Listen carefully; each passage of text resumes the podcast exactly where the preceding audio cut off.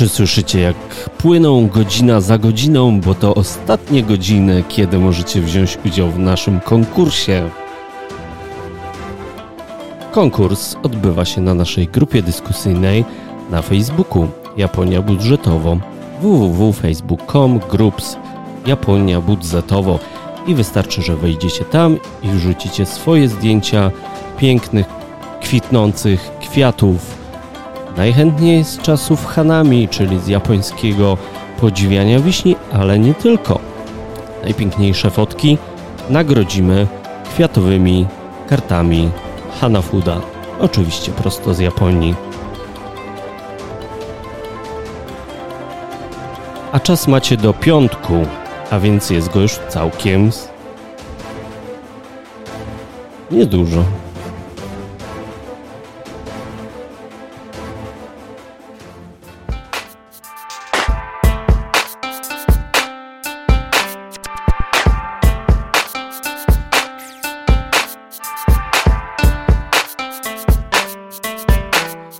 Jeszcze nie regulujcie odbiorników, bo to nadal podcast.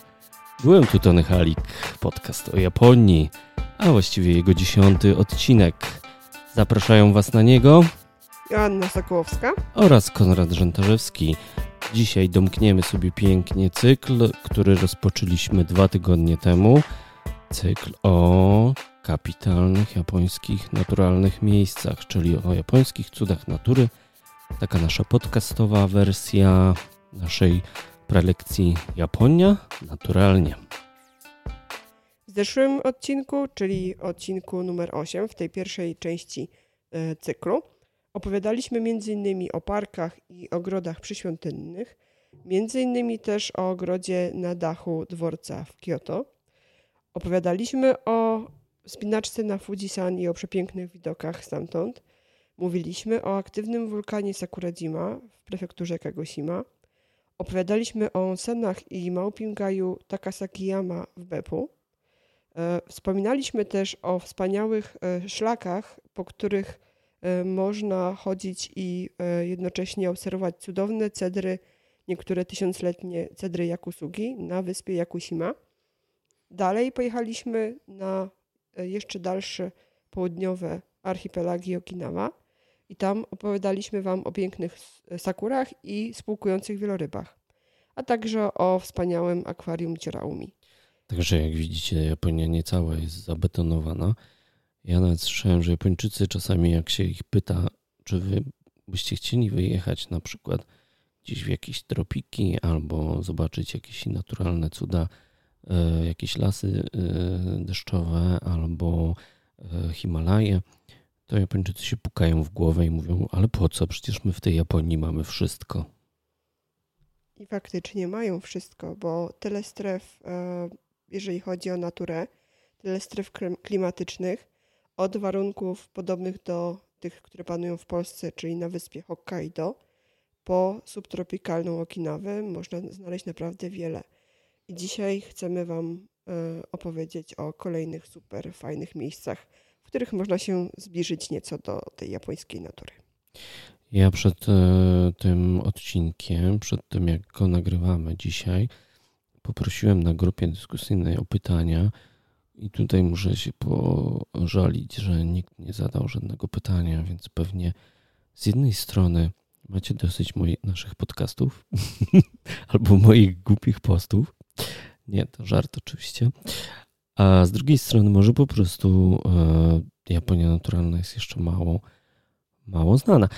Ale skoro już mówię o, o tych właśnie e, naszych wpisach podcastowych i o, o tym, e, jak bardzo zależy nam na Waszym feedbacku, a zależy nam, e, chciałem zachęcić Was e, jeszcze zanim zaczniemy do tego, żebyście trochę popromowali nasz podcast i zaprosili swoich znajomych do słuchania go, no ponieważ mamy strasznie cały czas mało tych gwiazdek, słuchajcie, a tutaj już dziesiąty odcinek, więc my powoli czujemy się jako weterani nagrywania podcastów.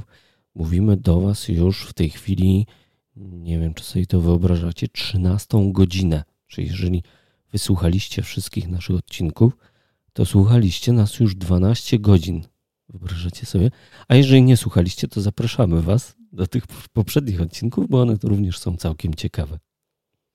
Ale wracając już do głównego tematu, którym mamy nadzieję, że jednak Was interesuje, bo może nie było tych pytań, bo um, wyczerpaliśmy e, te opisy tych miejsc aż nawet e, za bardzo poprzednim razem.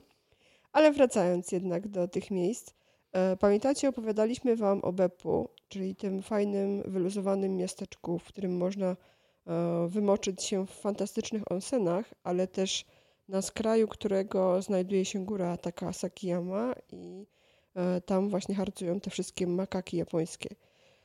E, to o ile mm, Beppu jest dosyć daleko e, zlokalizowane od Tokio, od Kyoto, od Osaki, nawet od Hiroshimy, do której większość osób wybiera się podczas swoich pierwszych wyjazdów do Japonii, to możemy Wam zaproponować coś bardziej bardziej e, łatwo dostępnego, e, ponieważ można tam praktycznie pojechać Shinkansenem i potem tylko przesiąść się na chwilę na mały pociąg, e, ale też coś bardzo atrakcyjnego, bo miejscem, w którym również można zobaczyć fantastyczne makaki japońskie i to naprawdę w ciekawych okolicznościach, bo wygrzewające się w gorących źródłach, jest park Jigokudani Yaenkoen w prefekturze Nagano.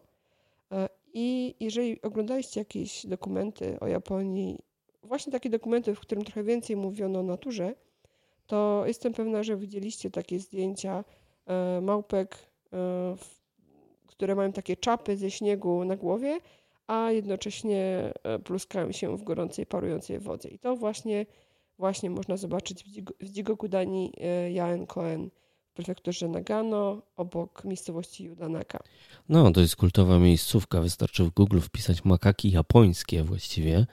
I pierwsze, co ludziom się kojarzy, czy mają taki obraz w głowie, czy właśnie pojawi się w momencie, kiedy wpiszecie po prostu makaki japońskie w wyszukiwarce, no to pojawią wam się właśnie te małpki z wielkimi, pięknymi czapami śniegu na głowach i z, w kąpieli w parującej wodzie. I to jest jedno z tych miejsc, które Wam polecamy, jeżeli nie wybieracie się latem do Japonii, bo oczywiście latem no, można tak naprawdę jeździć wszędzie. Natomiast e, w tych zimniejszych miesiącach wiadomo, że e, ta podróż może być troszeczkę inna, że mniej macie ochotę przebywać na dworze, no bo jednak pogoda jest troszeczkę e, mniej przystępna. Natomiast e, właśnie e, późną jesienią, zimą, czy nawet wczesną wiosną, bo właściwie my te makaki japońskie oglądaliśmy tuż na początku Hanami pod koniec marca. Ale jeszcze śnieg wtedy był, ja pamiętam, było go całkiem sporo. I był właśnie tam w Nagano, można powiedzieć, przy bramie do Alp japońskich, podczas gdy na tych głównych wyspach i w tych miastach gdzie się najczęściej już kwitły wiśnie. Tak, kwitły wiśnie, było ciepło i chodziło się już bluzka z krótkim rękawem. W ogóle e, wyprawa do samego Nagano może być e, ciekawą przygodą.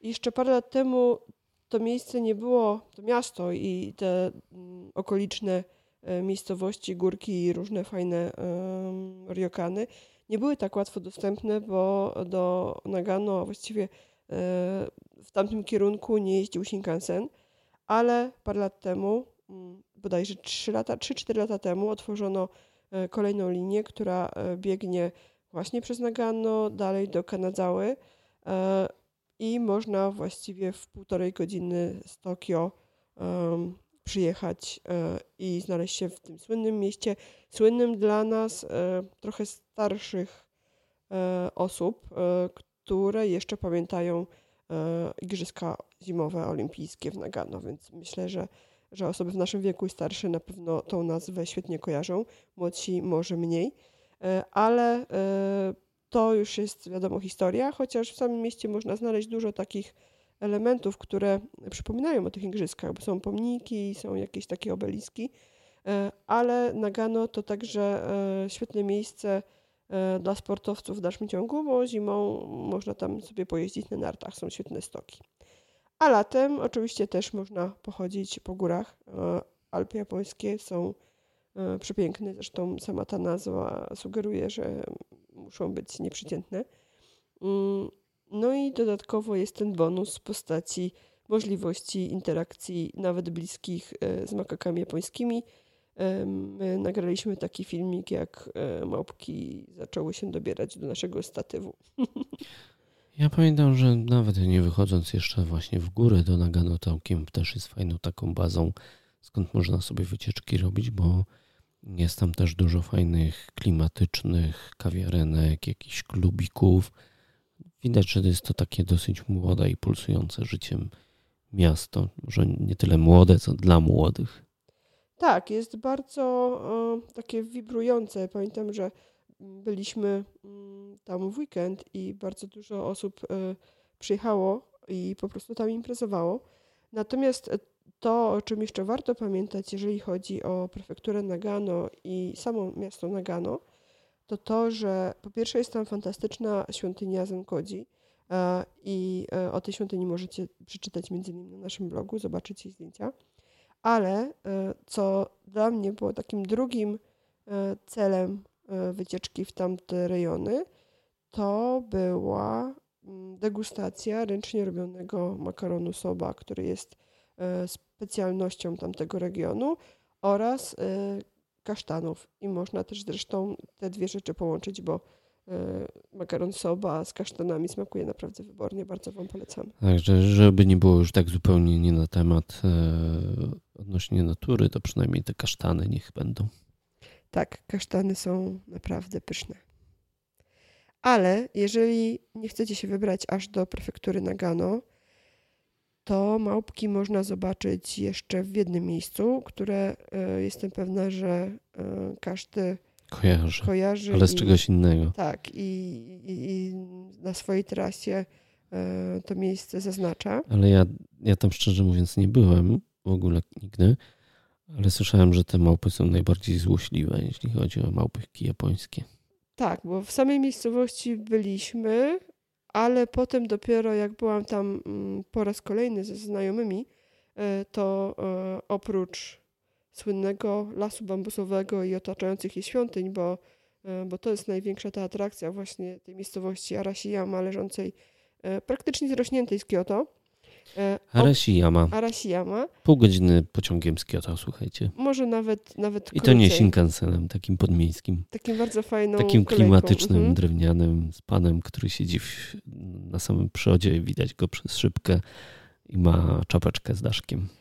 Tak, więc y, jestem pewna, że każdy z Was słyszał o bambusowym lesie y, w Arashiyama, ale oprócz tego warto jeszcze pospacerować po tej miejscowości i pójść w trochę drugą stronę od dworca niż e, droga do tego bambusowego gaju, bo po drugiej stronie rzeki jest taka górka, na którą no, można się króciutko wspiąć, tam troszeczkę y, intensywnie się wchodzi pod górę, ale przez las, więc nie jest to y, za bardzo męczące, a na górze jest taki punkt widokowy, z którego można zobaczyć piękną panoramę Kyoto i tam też właśnie grasują E, małpki i Konrad e, dobrze kojarzysz, te małpki w moim przekonaniu są dosyć agresywne.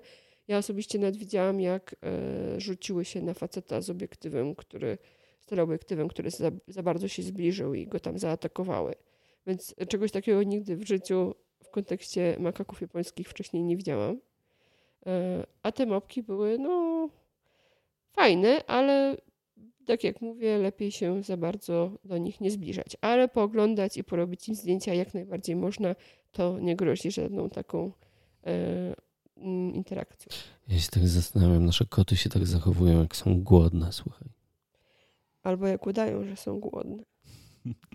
może coś w tym jest, może tam kiepsko karmią te małpki w Kioto. Czyli mamy las, mamy małpki, jest tam też fajna rzeka, wzdłuż tej rzeki są fajne knajpki. E, jest tam też onsen, ale e, otwarty w takich dziwnych godzinach, więc mimo, że byłam tam e, kilka razy, to jakoś nie, nigdy nie natrafiałam na dobrą porę, żeby tam z niego skorzystać. No i oczywiście jest ten las bambusowy. I powiem szczerze, że oczywiście bambusowy las w Arasiamie był też na trasie naszej pierwszej takiej podróży stricte turystycznej po Japonii. I faktycznie spędziliśmy tam dużo czasu, robiliśmy tam dużo zdjęć. To pamiętam, że robiliśmy na długich czasach naświetlania, żeby, e, żeby nie naświetlili się ci wszyscy ludzie, którzy spacerują tymi alejkami, bo jest to ultra popularne miejsce, mm, zwłaszcza, że jakby tą samą kolejką można też dojechać do Złotej Świątyni, e, czyli też jedny, jednego z kultowych miejsc e, w Tokio, e, przepraszam, w Kyoto. Natomiast te alejki tam w Arasiyamie są bardzo takie uporządkowane, otoczone płotkiem i oczywiście robią one wrażenie. Natomiast gdybyście mieli trochę więcej czasu albo wasza podróż przewidywałaby wizytę na Półwyspie Ki w prefekturze e, Wakayama, to bardzo byśmy Wam polecali odwiedzić takie miejsce, które także słynie z przyrody, między innymi, bo na samym środku właściwie, właściwie tego półwyspu, tam trzeba dojechać lokalnym pociągiem, niestety, który się dosyć długo kolebie, ale, ale warto.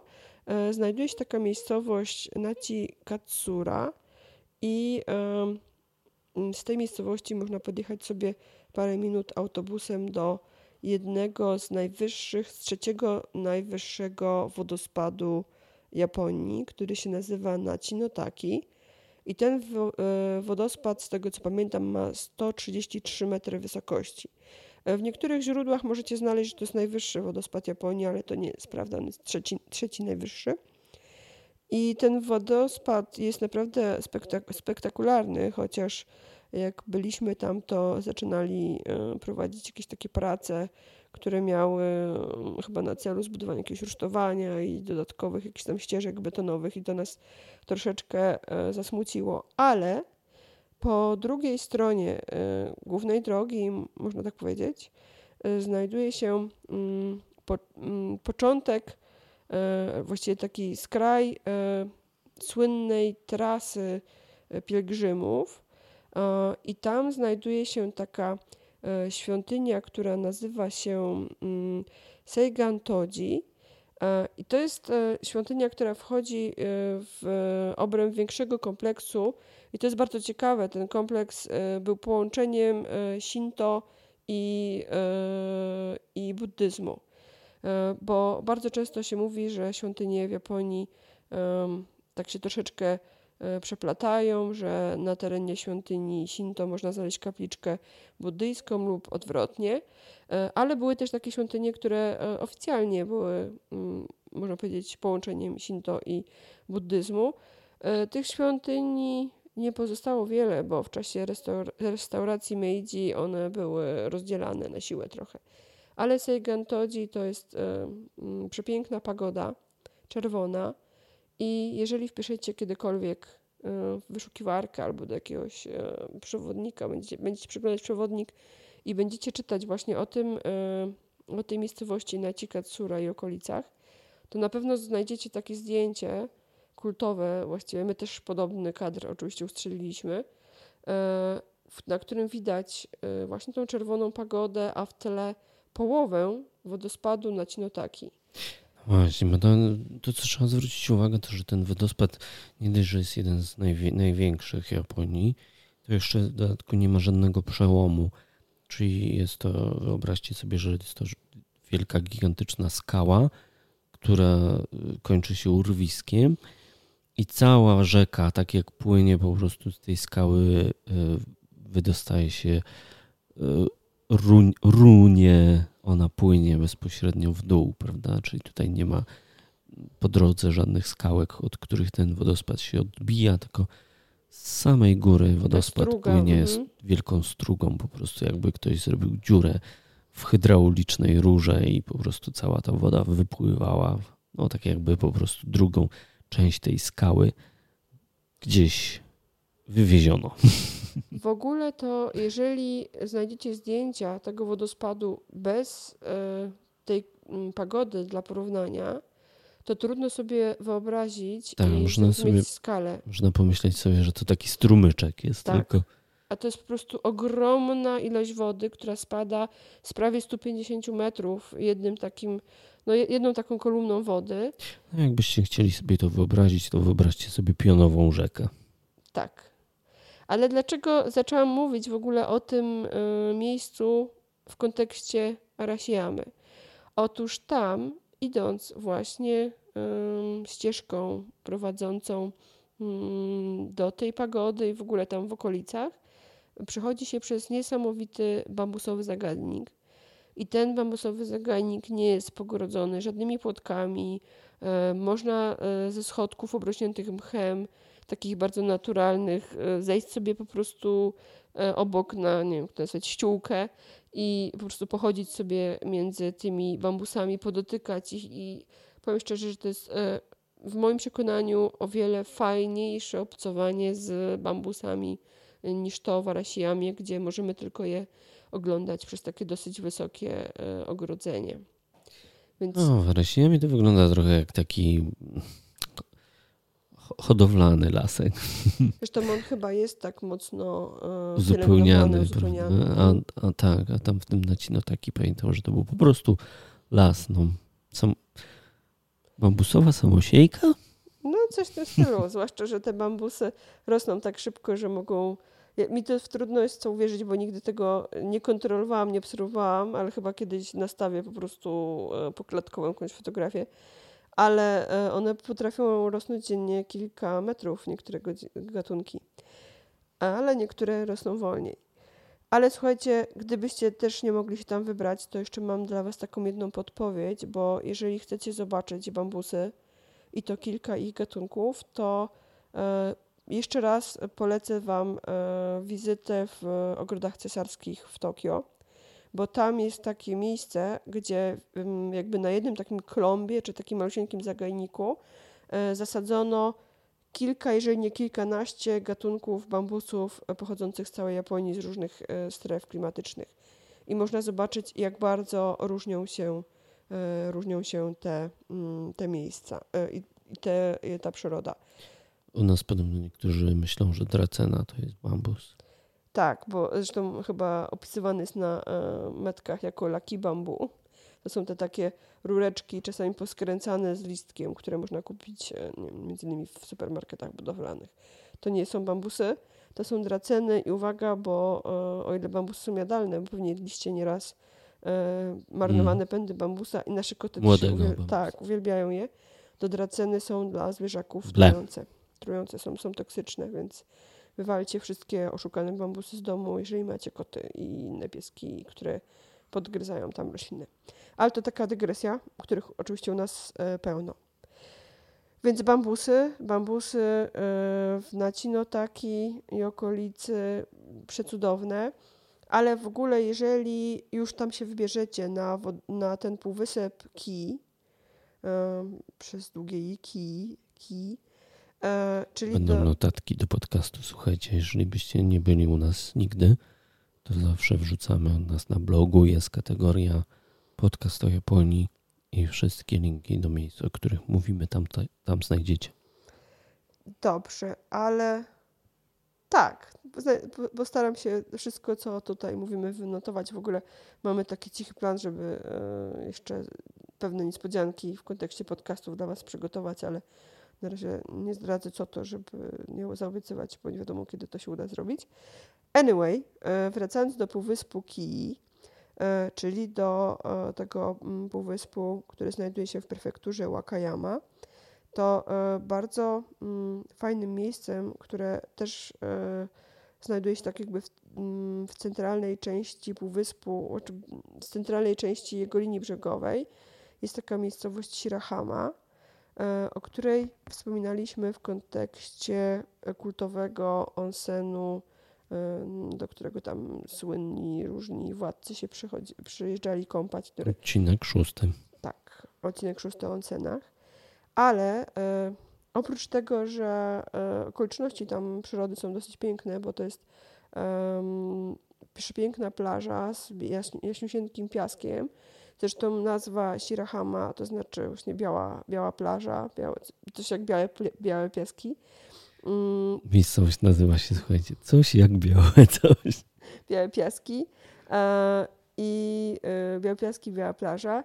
E, natomiast tuż obok tej miejscowości jest też taki park, mm, który tak naprawdę bardziej jest trochę takim skrzyżowaniem Luna Parku z zoo, bo są tam też różne jakieś kolejki, ale są tam też e, takie e, wybiegi typowe jak dla zoo i tam można zobaczyć e, fantastyczne pandy, e, a także pandy z małymi, które się rozmnażają.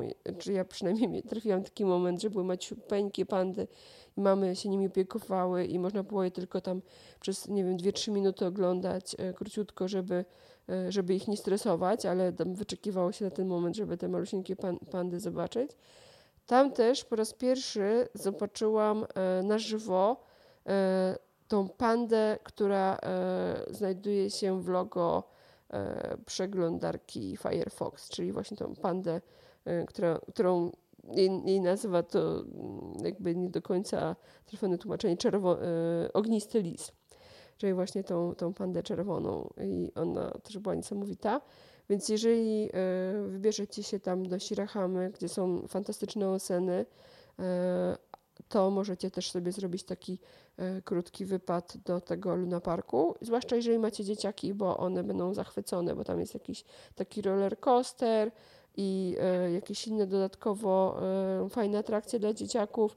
No a e, myślę, że rodzice z przyjemnością popatrzą sobie na te, na te zwierzaki. Gdybyście tam byli i zobaczyli, że jakaś panda płacze, to będzie to dlatego, że nikt nie, nie polubił naszego podcastu w przyszłym tygodniu. Ale jeżeli macie ochotę zobaczyć inne zwierzaki niż, niż makaki japońskie, niż pandy, które e, zwłaszcza te zwierzaki e, chyba są mocno też kojarzone z wyjazdem do Japonii, to my mówimy o jelonkach. To bardzo polecamy Wam tych jelonków wypatrywać, jeżeli będziecie w innym takim kultowym miejscu, a mianowicie na wyspie Itsukushima, która tak bar bardziej znana chyba jest wśród turystów e, jako Miyajima, e, czyli e, ta wyspa z chramem Itsukushima Jinja, przy którym jest ogromna brama Tori, nazywana pływającą brama, bramą Tori. To, to jest ta to, brama Tori, którą przypływ raz odsłania. odsłania jej tam posadowienie, Właściwie raz to odpływ. Od, tak, przypływ Przypływ zasłania, odpływ odsłania. Tak. Tak. Zastanawiam się, dlaczego tam ślimaki z tej e, Mijadzimy nie są tak popularne jak jelonki. No Ta cała, cała brama jest przecież obrośnięta takimi morskimi stworzeniami, które się pojawiają w czasie odpływu. Cała, jeszcze góra jest taka czerwona. Tak, tam do poziomu, gdzie woda sięga. Ale nikt jakoś nie pisze i nie wspomina o tych ślimakach. Widocznie. Wszyscy się koncentrują na jelonkach. Tak, powinniśmy wylansować ten trend, że jeżeli przyjeżdżacie na Itsukushimę... Sfotografujcie to, ślimaki tak, na bramie Tori. Dokładnie. Jakieś w czasie odpływu. Omułki, coś tam przykleją, iglony. No właśnie, ciekawostka. Dzisiaj, e, dzisiaj e, dowiedziałam się, bo e, przy okazji jak jedliśmy śniadanie i posypywaliśmy ryż japońską posypką furikake, która e, składała się z z mm, chrzanu wasabi i z wodorostów nori. Dowiedziałam się, jakimi znakami pisze się e, właśnie te wodorosty e, nori i pisze się je znakami na ocean i na mech. Czyli wypatrujcie tego morskiego, oceanicznego mchu też na, na, tej, na tej bramie tori i wodorostów, które tam ją otaczają. Ale mieliśmy mówić o jelonkach. No właśnie, tych jelonków e, tam jest sporo, mm, chociaż chyba nie tak sporo, jak to można zobaczyć w Narze. Bo e, na Itsukushimę mm, docierają niektórzy, ale do Nary chyba wszyscy. I e, oczywiście do Nary jedzie się przede wszystkim po to, żeby zobaczyć wspaniały posąg wielkiego Buddy w świątyni Todaiji, ale oprócz tego ogromną atrakcją są właśnie interakcje z Jelonkami, Danielami, czy tam jak to się tłumaczy. No nie tak dawno na grupie naszej też był pokazany film z taką przykładową interakcją. Interakcja polegała na tym, że Jelonek wyciągnął z kieszeni turystki jej bilet miesięczny na Shinkenseny, czyli JR Pass, no i zaczął go przeżuwać. Tak, i został, został e, uszczuplony bardzo ten bilet. Ja nie wiem ile dni odgryzł Jelonek z tego biletu, ale no chyba sporo. 10% dla Jelonka. W każdym razie, e, jeżeli już tam będziecie, to też taki mamy dla Was trochę tip. E, nie mm, zostajcie tylko przy tej głównej trasie, która prowadzi do świątyni Todaiji, ale jak pójdziecie troszeczkę e, bardziej bokiem, w przeciwnym kierunku niż miasto, z którego przyszliście, to jest też taka bardzo fajna góra, góra, no pagórek porośnięty trawą, i tam e, bardzo często e, po tym pagórku biegają albo w e, jego podnóży w cieniu drzew wylegują się naprawdę duże statka tych jeleni, czyli i to dorosłych też. Ale które... to samo chyba można powiedzieć o Mijadzimie, bo tam też z tego co pamiętam, my nie byliśmy na tej górce chyba na górę, ale tam nawet z tego co pamiętam, to nawet kolejka jakaś linowa jeździ i można sobie wjechać na górkę i podziwiać tą pływającą bramę Tori z e, samej góry wyspy. No, wyspy japońskie mają to do siebie właśnie, że zazwyczaj mają dosyć sporą elewację, więc jest, jeżeli ktoś jest fanem hajkowania, czy po polsku mówiąc łazikowania po niewielkich górkach i e, podziwiania przyrody, czy podziwiania natury przy okazji tego łazikowania, no to na pewno znajdzie mnóstwo takich wysp, po których można właśnie sobie pochodzić. Są górki wokół tych, e, są, są górki e, wewnątrz tych wysp, są drogi wokół tych górek e, serpentynami po, wyznaczane i można sobie godzinami hajkować czy łazikować po tych górach. I zdecydowanie warto spaczać z tych takich głównych szlaków turystycznych, żeby troszeczkę E, jakby uniknąć tego przepływającego tłumu, e, który dosyć schematycznie jednak się porusza, tylko właśnie, żeby gdzieś tam z boku zobaczyć coś więcej i w trochę bardziej takich spokojnych okolicznościach przyrody. Najciekawsze rzeczy nie ma w przewodnikach, pamiętajcie. Najciekawsze rzeczy są te, które odkryjecie sami. A potem możecie się e, tymi odkryciami podzielić z nami na naszej grupie. Jeśli będziecie w Narze, to mam dla Was jeszcze jedno miejsce, które mm, ja za pierwszym razem pominęłam, kiedy tam byłam, bo mm, dużo atrakcji się działo i też nie, my nie, nie nocowaliśmy w Narze, tylko e, w Kyoto wtedy, e, więc e, też nie mieliśmy dużo czasu. Ale mm, za drugim razem, kiedy byłam w Narze, odkryłam to miejsce. To było taki bardziej spokojny, spokojna wtedy wizyta. Nie wiem, czy słuchaliście tego naszego ósmego odcinka podcastu, czyli pierwszej części e, tego cyklu o miejscach naturalnych, ale wspomniałam Wam, że ja mam takie e, top 3 moje ukochane e, japońskie ogrody na wyspach. I pierwszym z nich był malutki ogród Kiyosumi Teien w Tokio, ale moim chyba drugim, na drugim miejscu, waham się, czy to jest pierwsze, czy drugie, ale chyba jednak drugie miejsce, to jest właśnie ogród w Narze, który znajduje się jakby w obrębie tego parku, tego kompleksu przy świątyni Todaiji. E, do niego trzeba pójść trochę taką boczną drogą. To też właśnie był powód, że my e, jakby ominęliśmy go za pierwszym razem. E, ten ogród nazywa się Yoshikien i jest naprawdę zjawiskowy. To jest bardzo, bardzo przyjemny ogród, e, który się znajduje nad małą rzeczką. Właściwie to tam są dwa, e, dwa ogrody, które są połączone jakby w, w taką większą całość.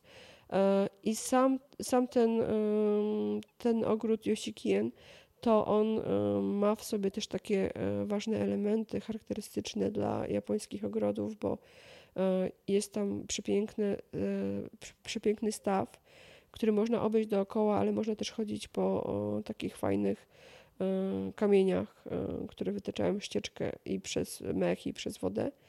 E, ale znajduje się tam też e, pawilon herbaciany, malutki, e, i przy nim też jest ten specjalny rodzaj ogrodu herbacianego, w którym goście ceremonii oczekują jakby na, na te główne wydarzenia. I ten ogród jest naprawdę fantastyczny. On nie jest duży, ale naprawdę jest zjawiskowy i po prostu zapiera dech w piersiach. Ja tam byłam latem albo można powiedzieć, że pod koniec, e, pod koniec lata e, w tym ogrodzie, ale widziałam też zdjęcia w internecie e, z jesiennych, pory kwitnienia klonów momidzi i, i ten ogród nabrał wtedy zupełnie innego charakteru i marzę, żeby kiedyś właśnie go w tych czerwieniach też zobaczyć, więc bardzo Wam polecam. To jest mój top 2 w całej Japonii ogród.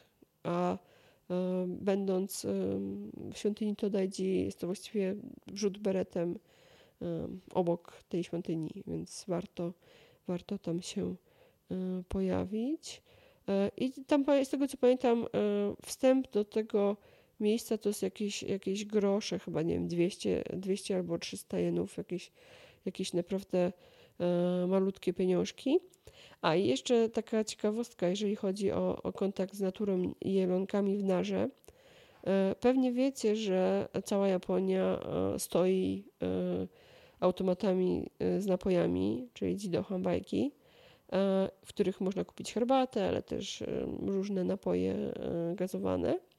To na obszarze tego kompleksu przy świątyni możecie znaleźć e, automaty z napojami, w których część, e, część puszek ma na sobie e, obrazki z jelonkiem. I słuchajcie, żebyście się, żebyście świadomie wybrali ten produkt, bo to nie jest herbata, tudzież cola, tudzież popkari albo inny japoński napój lokalny, w lokalnej puszce z jelonkiem, tylko to jest po prostu darowizna na utrzymanie tych jelonków. E, tam nie wiem, 100 czy 150 jenów, już nie pamiętam ile to kosztuje, ale e, jakąś tam równowartość słodkiego napoju, jeżeli wrzucicie, e, wybierzecie tą puszkę, tam taki kształt puszki z jelonkiem i nic, nic, nie, wypadnie. Nic nie, nie wypadnie, to, to nie, nie znaczy, że to jest tak. awaria. Tak, to jest, to jest karmienie jelonków. Natomiast chyba nie polecamy Wam kupowania tych krakersów E, chyba, że koniecznie chcecie sobie zrobić zdjęcie albo, nie wiem, nagrać film. No ale... kto nie chce sobie zrobić zdjęcia? No ja sobie nie robiłam zdjęcia, jak karmię je tymi y, krakersami jelonkowymi, bo widziałam, że wszyscy te jelonki karmią i po prostu bałam się, że one będą wyglądały jak nasz miętus, czyli kotek nasz ma dosyć pokaźne wymiary i waży 8, 8 kg. E, co nasi japońscy znajomi, którzy też hodują koty, e, po prostu zareagowali tym szokiem i nazwali naszego kota Hachi Kiro, czyli 8 kilo.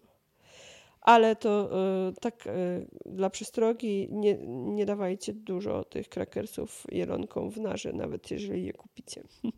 Boże, chcę zobaczyć, jak się toczy jelonek. No tak, z tej góry najlepiej, tam z drugiej strony. Czyli mamy odhaczone jelonki, mamy odhaczone makaki japońskie. E, mieliśmy też wzmiankę o ogrodzie, mieliśmy wzmiankę o bambusach. E, skoro jesteśmy przy ogrodach, to zdradzę Wam jednak, co to jest to moje top one, czyli mój ulubiony ogród japoński, w stylu japońskim w Japonii, bo ogrodów tam przecież można zobaczyć sporo różnych.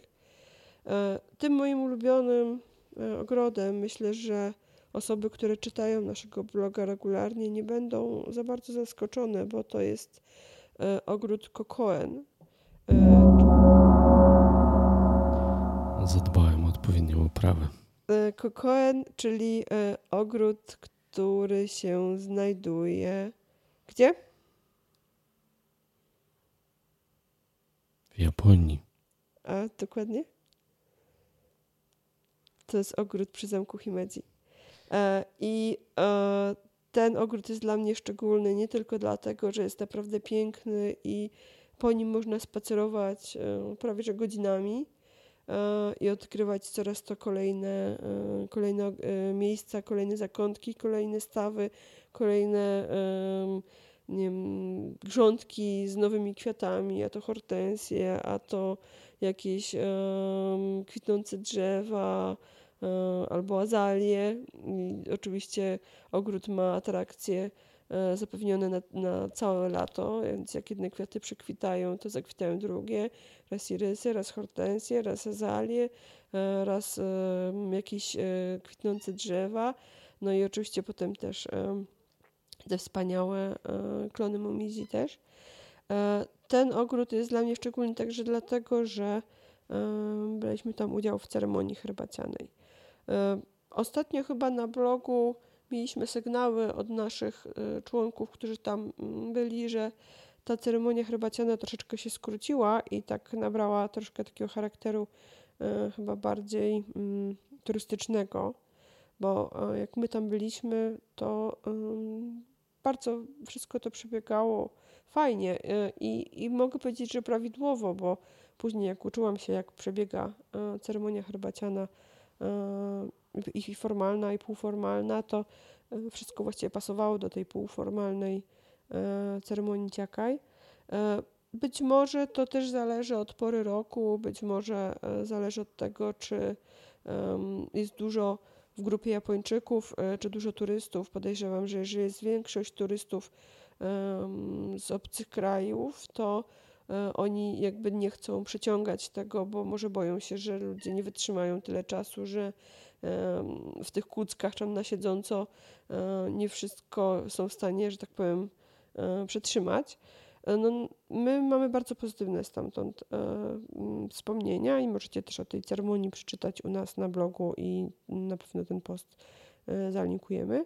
Natomiast e, mm, nawet jeżeli ta ceremonia byłaby super skrócona, e, to myślę, że e, za naprawdę niską cenę, którą tam oferują, bo to też jest ponownie jakieś 500 jenów czy coś w tym stylu, myślę, że zjedzenie ciasteczka i wypicie mm, najprawdziwszej maci właśnie w tamtych okolicznościach tego wspaniałego parku i tej japońskiej flory mm, będzie warte tej ceny. Więc jeżeli macie chwilę czasu, e, będąc e, w Himedzie i zwiedzając zamek, to e, z tej drugiej strony jest takie ekstra e, właśnie wejście e, dodatkowe i można sobie ten ogród odwiedzić i wypić tam macie.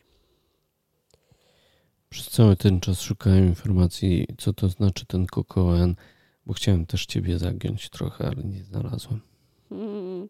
Tam są znaki, z tego co pamiętam, na lubić, e, stary i ogród. Ale jak to, jak to przepięknie przetłumaczyć, to e, chyba nie, nie, mam dzisiaj takiego nastroju. Natomiast znalazłem informację, że wcale tak, nie taki stary, bo został otwarty w 1992 roku. Wcześniej tam były jakieś, e, były jakieś zabudowania feudalnego władcy no to jeżeli, jeżeli to tak e, rzeczywiście tak bardzo krótko e, pielęgnowali ten ogród i doprowadzili go do takiego stanu, e, to jestem naprawdę, e, naprawdę pod wrażeniem. No jest oczywiście stylizowany, jest zrobiony specjalnie, żeby naśladował swoją formą klasyczne mm, ogrody z czasów Edo. Może właśnie stąd ta, stąd ta nazwa, że, że dobrze im się udało odzorować stary ogród. To może być taka, tak, takie, tak to możemy tłumaczyć ten kołem.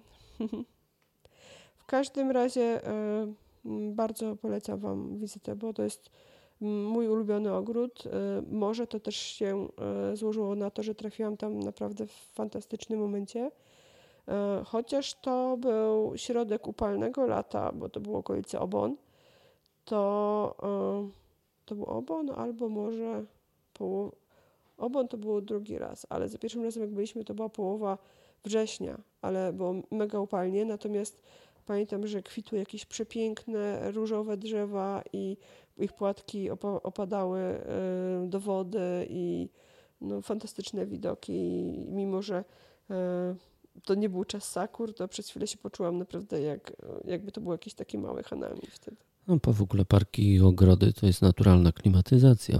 Czyli jeżeli chcecie trochę odpocząć od upału takiego betonowego miasta, to w takim parku pomiędzy zielenią będzie tak z pewnie 10 stopni chłodniej. Zresztą nie bez powodu budowano pawilony herbaciane w ogrodach, prawda, żeby właśnie można sobie było tam odpocząć w chłodzie i w zieleni.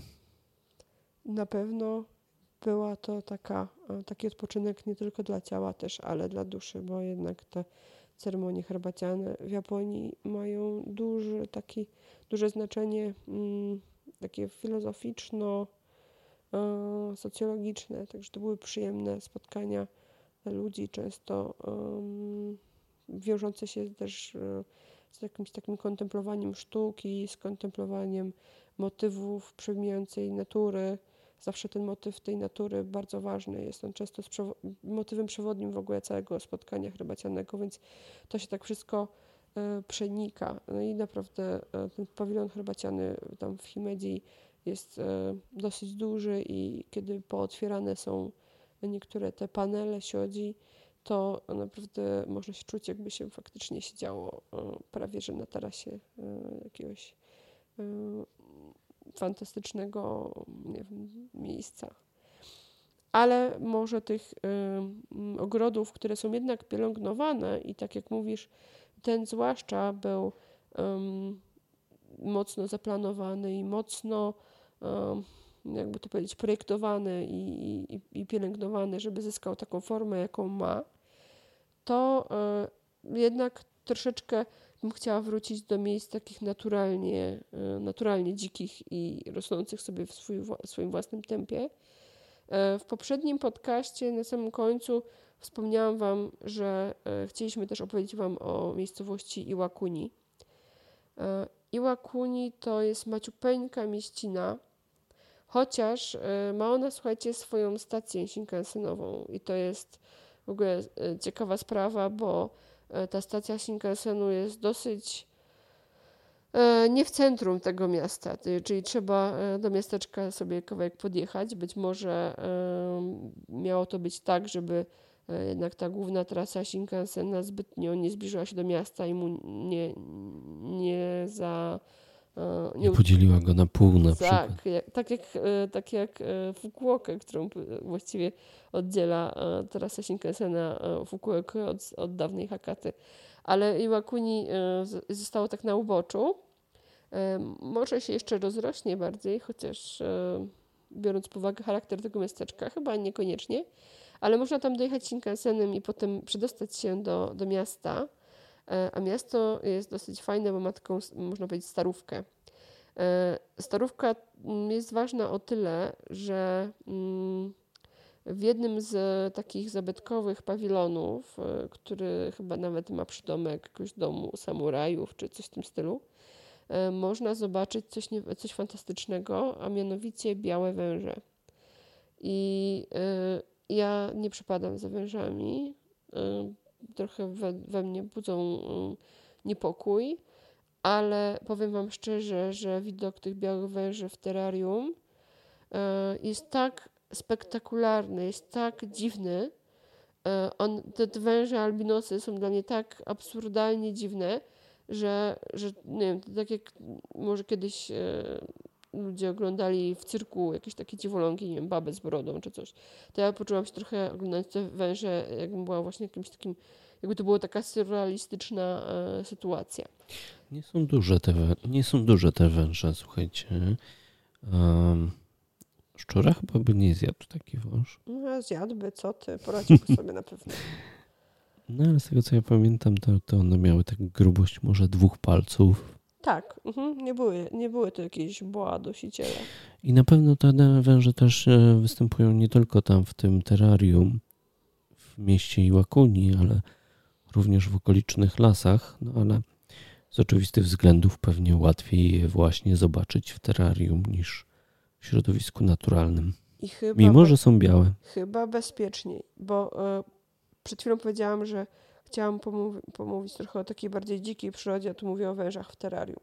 Otóż te węże w terrarium to jest tylko taki bonus tak naprawdę. Po drodze do trasy spacerowej albo do kolejki, e, która, e, które prowadzą do e, zamku Himeji-dio na samym, o Boże, nie Himeji, przepraszam, Iwakuni-dio na samym szczycie górki, jednej z najwyższych górek otaczających tą miejscowość.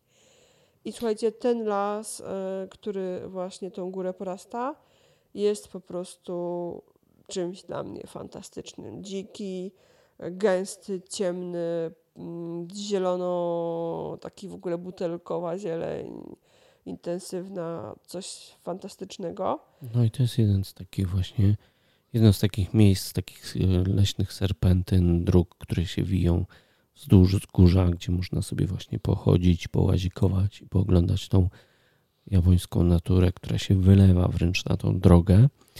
Albo można sobie wziąć e, kolejkę na górę, na przykład drogą zejść na dół, bo to też jest jakaś opcja, szczególnie dla tych, którzy nie, nie chcą za bardzo się spocić w 40-stopniowym japońskim upale gdzieś tam w środku e, lata. A jak już będziecie z powrotem na samym dole, e, jest tam po pierwsze taki słynny most, mm, który jest, można powiedzieć, znakiem rozpoznawczym Iwakuni, bo jest to gigantyczny most drewniany, który być może widzieliście mosty japońskie, jak one są tak fajnie wysklepione. Czyli wejście i zejście z mostu są na poziomie ziemi, a wchodząc na most wchodzi się na taką kładkę, która jest w, wygięta w łuk, dosyć wysoki. Most Iwakuni ma to do siebie, że takich łuków połączonych ze sobą jest hmm, nie wiem ile chyba 7, może więcej.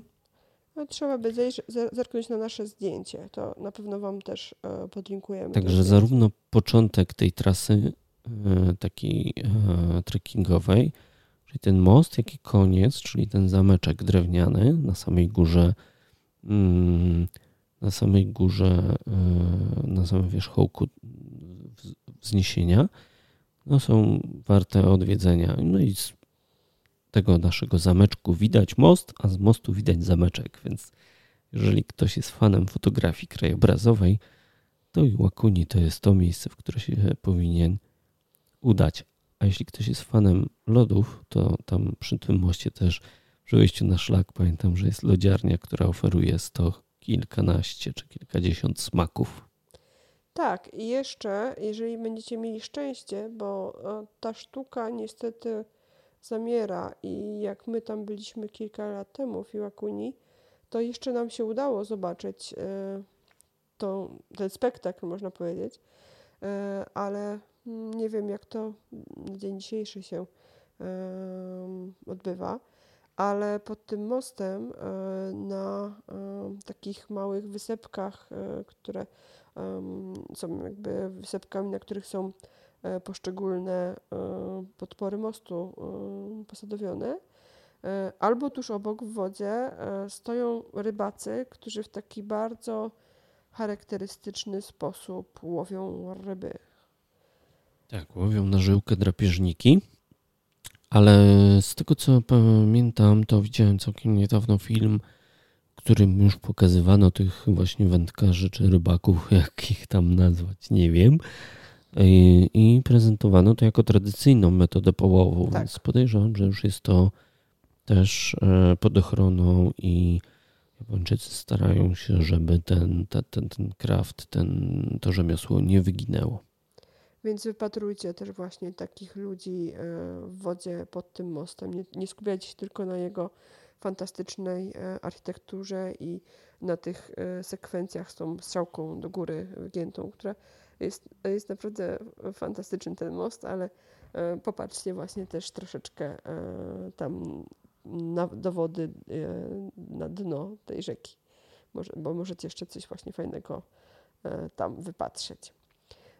Iwakuni w ogóle to jest bardzo mało znana miejscowość i tak jak właśnie mówiliśmy w poprzednim odcinku, moi znajomi Japończycy się śmieją, że wylansowałam je wśród Polaków, bo teraz bardzo wiele osób tam jeździ. W ogóle jak my pojechaliśmy do Iłakuni, to szukałam informacji na temat tego miejsc tej miejscowości w przewodniku tam w tamtych czasach może dwa zdania były wspomniane na temat tej miejscowości. Właśnie, jak ktoś jest fanem militariów, to Iwakuni to jest taki japoński Rammstein. w ogóle jest to miejscowość, e, przy której zbudowano amerykańską bazę Marines. Dokładnie, największa baza lotnicza amerykańska w Japonii. Rammstein to jest największa baza lotnicza amerykańska w Europie. I jak my tam w ogóle trafiliśmy? E, trafiliśmy tam e, z rekomendacji jednego z naszych japońskich hostów couchsurfingowych. A mianowicie nocowaliśmy u niego w Hiroshimie. I jak się dowiedział, że jedziemy właśnie e, dalej w kierunku Kyushu i jeszcze dalej, to powiedział: Słuchajcie, byłem tam w zeszłym tygodniu, czy dwa tygodnie temu ze znajomymi. Super fajne miejsce, śliczne, śliczny mostek E, malutki zamek, zamek skromny, odbudowany i oczywiście nie jest tak spektakularny jak, jak Himeji czy Osaka. Ale e, można sobie też wejść do środka. Tak, można wejść do środka i obejrzeć ładną panoramkę. No i on nam to miejsce polecił.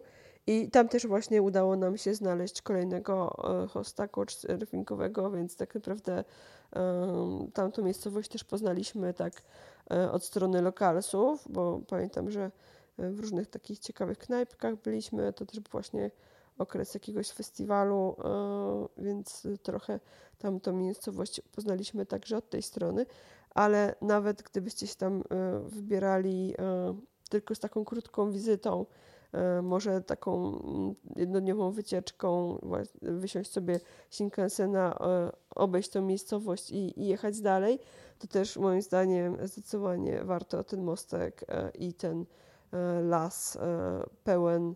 No właśnie, czego on był pełen? On był pełen czegoś, co mnie strasznie przeraziło, bo mieliśmy mówić tutaj o naturze, a nie powiedzieliśmy jeszcze o tym, co tam widzieliśmy dziwacznego, bo e, były białe węże na dole, ale na górze w lesie było coś totalnie czarnego. A mianowicie tam oglądaliśmy, próbowaliśmy fotografować, chociaż nie było to takie proste, bo ten las był momentami dosyć ciemny widzieliśmy ogromne czarne motyle. I Konrad, e, Konrad się ze mnie śmieje, e, bo to jest taka historia. E, taka o, Aśka myślała, że to są nietoperze, słuchajcie, czarne nietoperze. Słuchajcie, atakują mnie, jest godzina 13 i Aśka atakują czarne nietoperze. Bo one były bardzo duże i tak bardzo wolno, machały tymi skrzydłami i naprawdę wyglądały jak nietoperze. I dopiero, naprawdę chyba pół godziny polowaliśmy na nie z teleobiektywem i dopiero jak zrobiłam to zdjęcie na tele i obejrzałam je w powiększeniu, to uwierzyłam, że to nie są dzienne nietoperze. Więc przyroda naprawdę e, fascynująca. Można takie smaczki zupełnie w miejscach, e, których się nie spodziewamy, wypatrzeć. A jeżeli chodzi o takie dzienne wycieczki, to chciałam Wam opowiedzieć jeszcze o, o jednym miejscu, o którym ostatnio rozmawiałam z moim japońskim znajomym, e, który zajmuje się kulinariami między innymi. E, a mianowicie to jest też miejsce dla osób, które lubią przyrodę, ale też dla tych, którzy chcą e, zbliżyć się bardziej do japońskiej tradycyjnej kuchni. Konrad tam ze mną nie był, byłam tam z moim znajomym.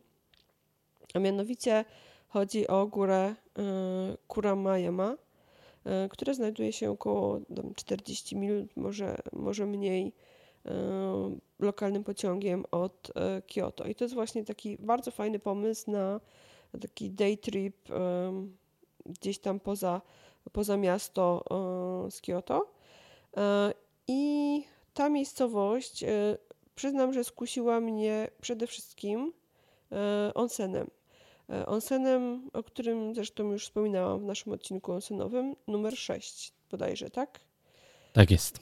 I onsen nazywa się mm, niezaskakująco, bo jest góra Kurama Yama, a onsen się nazywa Kurama Onsen.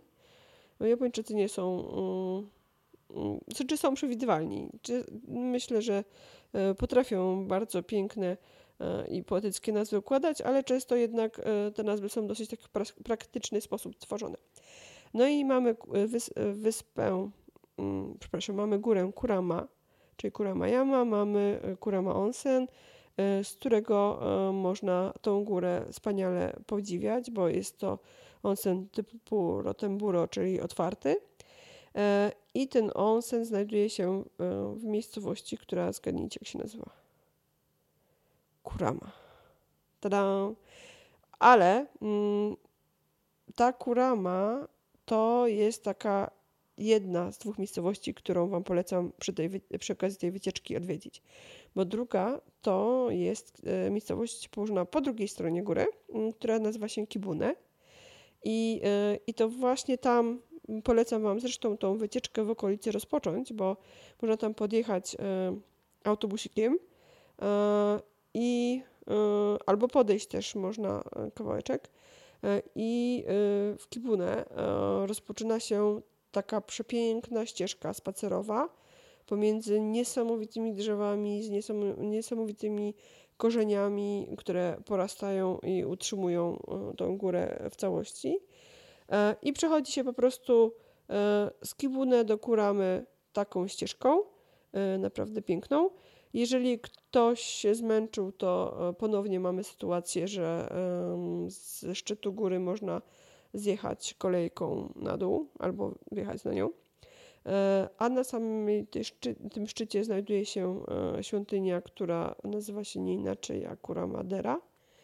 To jest e, przydomek nadawany świątyniom buddyjskim, bo to jest takie udźwięcznione Tera, czyli świątynia buddyjska, więc mamy Kurama Dera na Kurama Yama. I ta świątynia e, jest dla mnie ważna, bo ona jest e, poświęcona tygrysom. Czy tygrysy są jakby symbolami między innymi tej świątyni. Ale oprócz tego, że możecie obejrzeć przepiękną trasę spacerową z tymi drzewami i na tej trasie znajdują się maciupeńkie takie świątynie, świątynie albo jakieś takie kapliczki, można bardziej powiedzieć, to jeszcze jest ten aspekt właśnie dla smakoszy, bo e, jeżeli będziecie w Kibune, e, to e, będziecie szli taką drogą, która idzie wzdłuż rzeczki i na tej rzeczce znajdują się takie malutkie mm, tarasy, małe wodos takie małe wodospady. I na tych bardziej płaskich miejscach porobiono takie specjalne platformy i te platformy stanowią restaurację. E, i tam się siada e, przy małych stolikach i po prostu na takich zawieszonych nad wodą pływających platformach e, je się jedzenie. I w tych, mm, w tych restauracjach latem, bo one działają tylko latem, można spróbować specjalnego makaronu zomen. To jest taki cieniusieńki, pszenny makaron, który mm, Japończycy często jedzą przy okazji festiwali i jego, jego się je w ten sposób, że on jest spuszczany takimi korytkami e, z bambusa i się łapie go pałeczkami z tej wody i, i je się bezpośrednio z tych, z, tego, z, z, tych bambusowych korytek. I to jest taki sposób właśnie wykazania się zręcznością, bo kto nie jest zręczny, to nie zje. No i ten, kto się ustawi na końcu tej rurki, pewnie też nic nie zje, chyba że jego wszyscy Znajomi są strasznymi ciopami. No właśnie. Albo musi czekać, aż się najedzą wszyscy. Mi się wydaje, że to jest bardzo dobry pomysł właśnie tam się zatrzymać, bo, bo ci znajomi mogą być ciapami i mogą przegapiać ten makaron i wszystko do niego przypłynie. E, jeżeli lubicie w ogóle azjatyckie kino, jeżeli lubicie japońskie kino, to e, jest taki fantastyczny film mm, Kot do wynajęcia e, Rentaneko i tam główna bohaterka przy okazji właśnie obchodów e, święta zbudowała sobie w ogrodzie swoją własną taką konstrukcję składającą się z tych rurek i, i, ten makaron tam próbuje łapać i nawet chyba jest taka scena, że coś złapała i zjadła, więc to this is possible.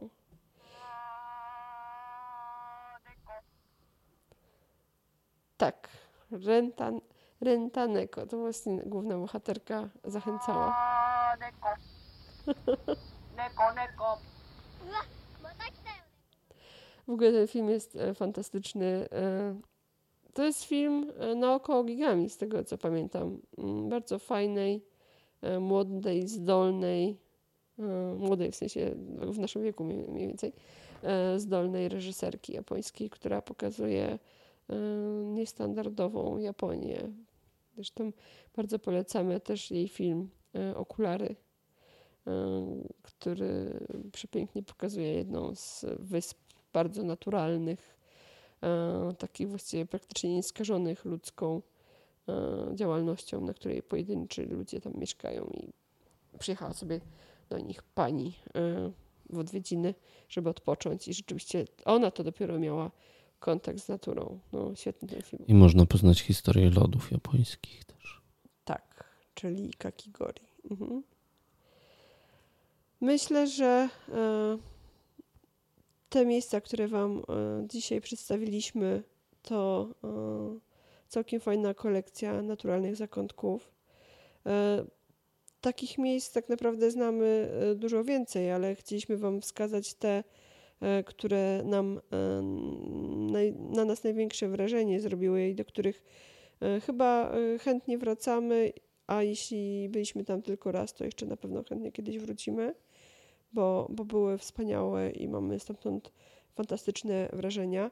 E, gdybyście szukali jeszcze innych miejsc, e, gdzie troszkę można bliżej e, Tokio i Kyoto natury zaznać, to na pewno warto też odwiedzić wyspę Enosimę. Wyspa Enosima bezpośrednio w sąsiedztwie Kamakury, czyli tej miejscowości, mm, gdzie znajduje się inny e, wielki posąg Buddy. Na pewno e, warto, moim zdaniem, odwiedzić miejscowość Otsu, która znajduje się bezpośrednio nad największym jeziorem Japonii, nad Biwako, nad jeziorem Biwa. I wokół tego miasta też e, jest taka fajna trasa spacerowa e, pośród starych świątyń, e, nie takich odmalowywanych w kółko, tylko takich naprawdę klimatycznych, drewnianych, omszałych świątyń, po prostu, które prawie że są zarośnięte lasem. Na pewno warto mm, odwiedzić kilka właśnie takich mniejszych miejscowości wokół wokół Kyoto, bo e, jest ich całe mnóstwo i tak naprawdę e, wystarczy sobie wybrać jakiś jeden kierunek i myślę, że takie wycieczki będą mm, naprawdę sprawiały Wam przyjemność. I tak naprawdę każde miejsce, nawet to najbardziej turystyczne, tak jak Konrad powiedział, jeżeli zrobicie krok w bok, to jest bardzo duża szansa, że traficie albo na jakiś ukryty ogród, albo na jakiś park, e, albo może e, zaczną się już jakieś e, takie bardziej prywatne, piękne, pięknie wy, wypielęgnowane ogrody, a może już pola, może już jakieś tam powoli będziecie mogli zobaczyć pola ryżowe. Bardzo Wam polecam właśnie między innymi pola ryżowe wypatrywać, kiedy będziecie w prefekturze Oita, czyli w okolicach e, Bepu, bo tam są naprawdę fantastyczne, fantastyczne widoki. I chyba tam zresztą najpiękniejsze pola widzieliśmy.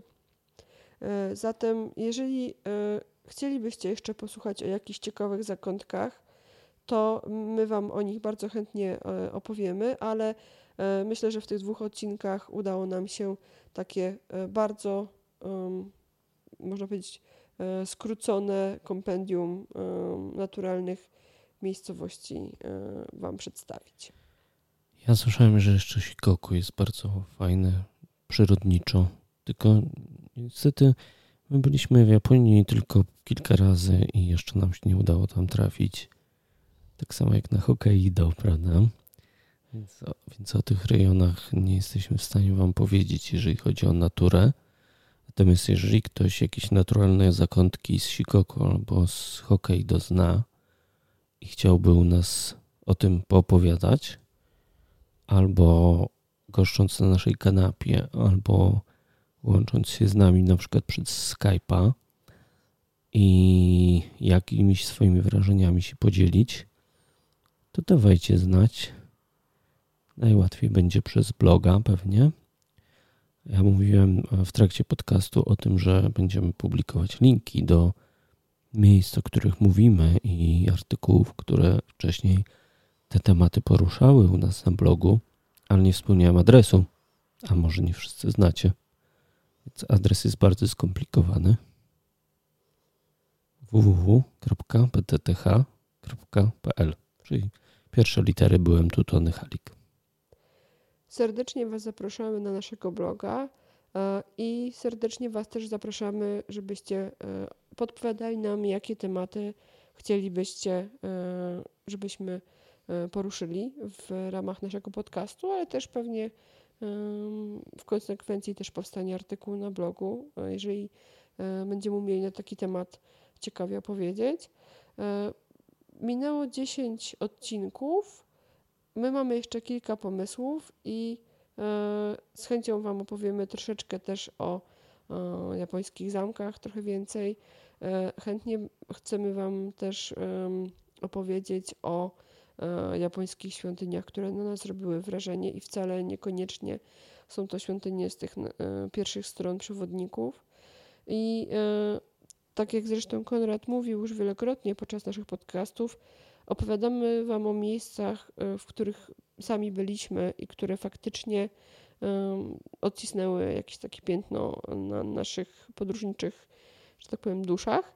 E, I e, staramy się Wam przekazać naprawdę nasze szczere opinie i szczere wrażenia z tych miejsc. Więc Mm, możecie się spodziewać, że nie wszystkie te miejsca, o których opowiadamy, muszą mm, być słynne, muszą być e, mm, bardzo znane. Wręcz przeciwnie, mieliśmy taki moment, że e, zmęczyły nas troszeczkę te zadeptane, zatłoczone miejsca, zwłaszcza jeżeli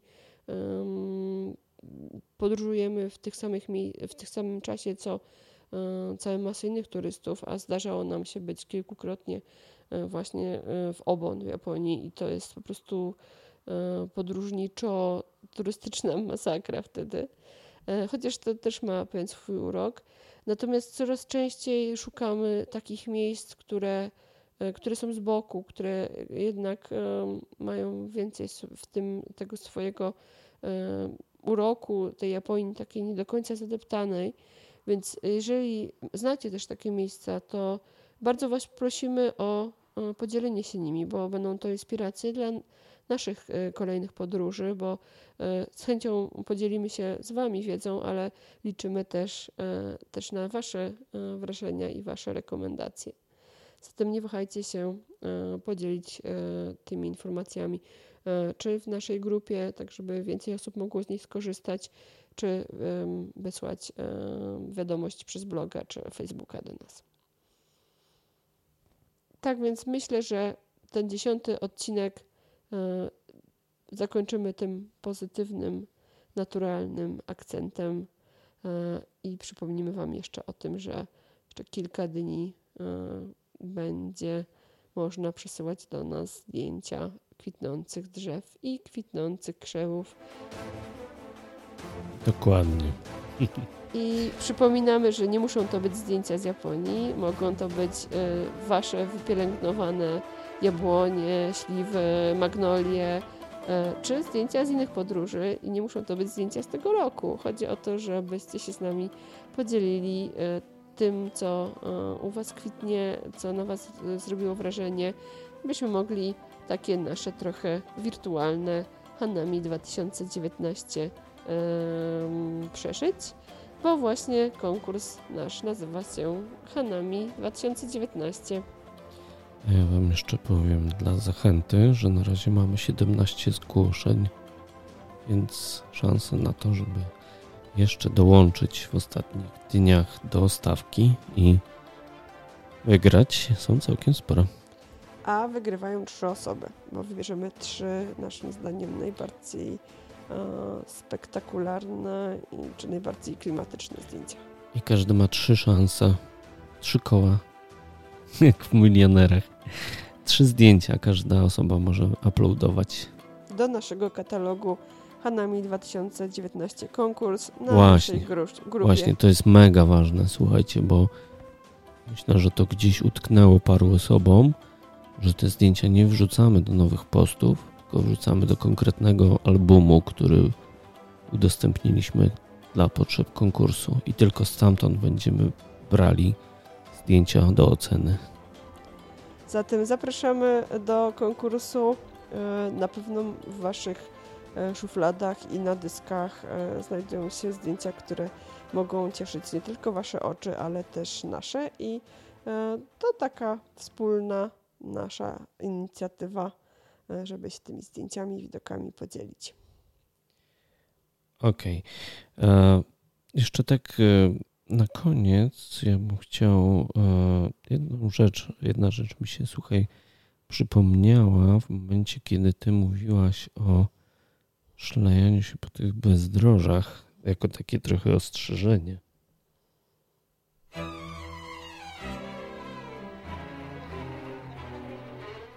Czyli chciałem powiedzieć o szerszeniach japońskich, bo E, Jak będziecie łazić po tych naturalnych e, miejscach w Japonii, szczególnie po tych różnych bezdrożach, to trzeba zwrócić uwagę na olbrzymie, e, największe na świecie szerszenie. Z tego prostego względu, że ich jad e, no, potrafi być zabójczy dla nas, dla ludzi. Więc jeżeli zobaczycie bardzo, bardzo dużego latającego z odwłosionym odwłokiem osobnika, no to lepiej się mm, oddalcie z tego miejsca. Ja bym się też oddaliła i zresztą uczyniłam tak na widok modliszki. A modliszki widzieliśmy na drzewach w świątyniach w Kyoto. I tym optymistycznym akcentem będziemy Was żegnać. Tak, e, zapraszamy na kolejny odcinek, który już niebawem i serdecznie Wam dziękujemy, że wysłuchaliście dzisiejszej naszej gawędy o naturalnych japońskich zakątkach. Kto nie wysłuchał pierwszej części, to zapraszamy do odcinka ósmego. A tymczasem żegnamy się i do, do zobaczenia, do usłyszenia za tydzień. Cześć, cześć, cześć.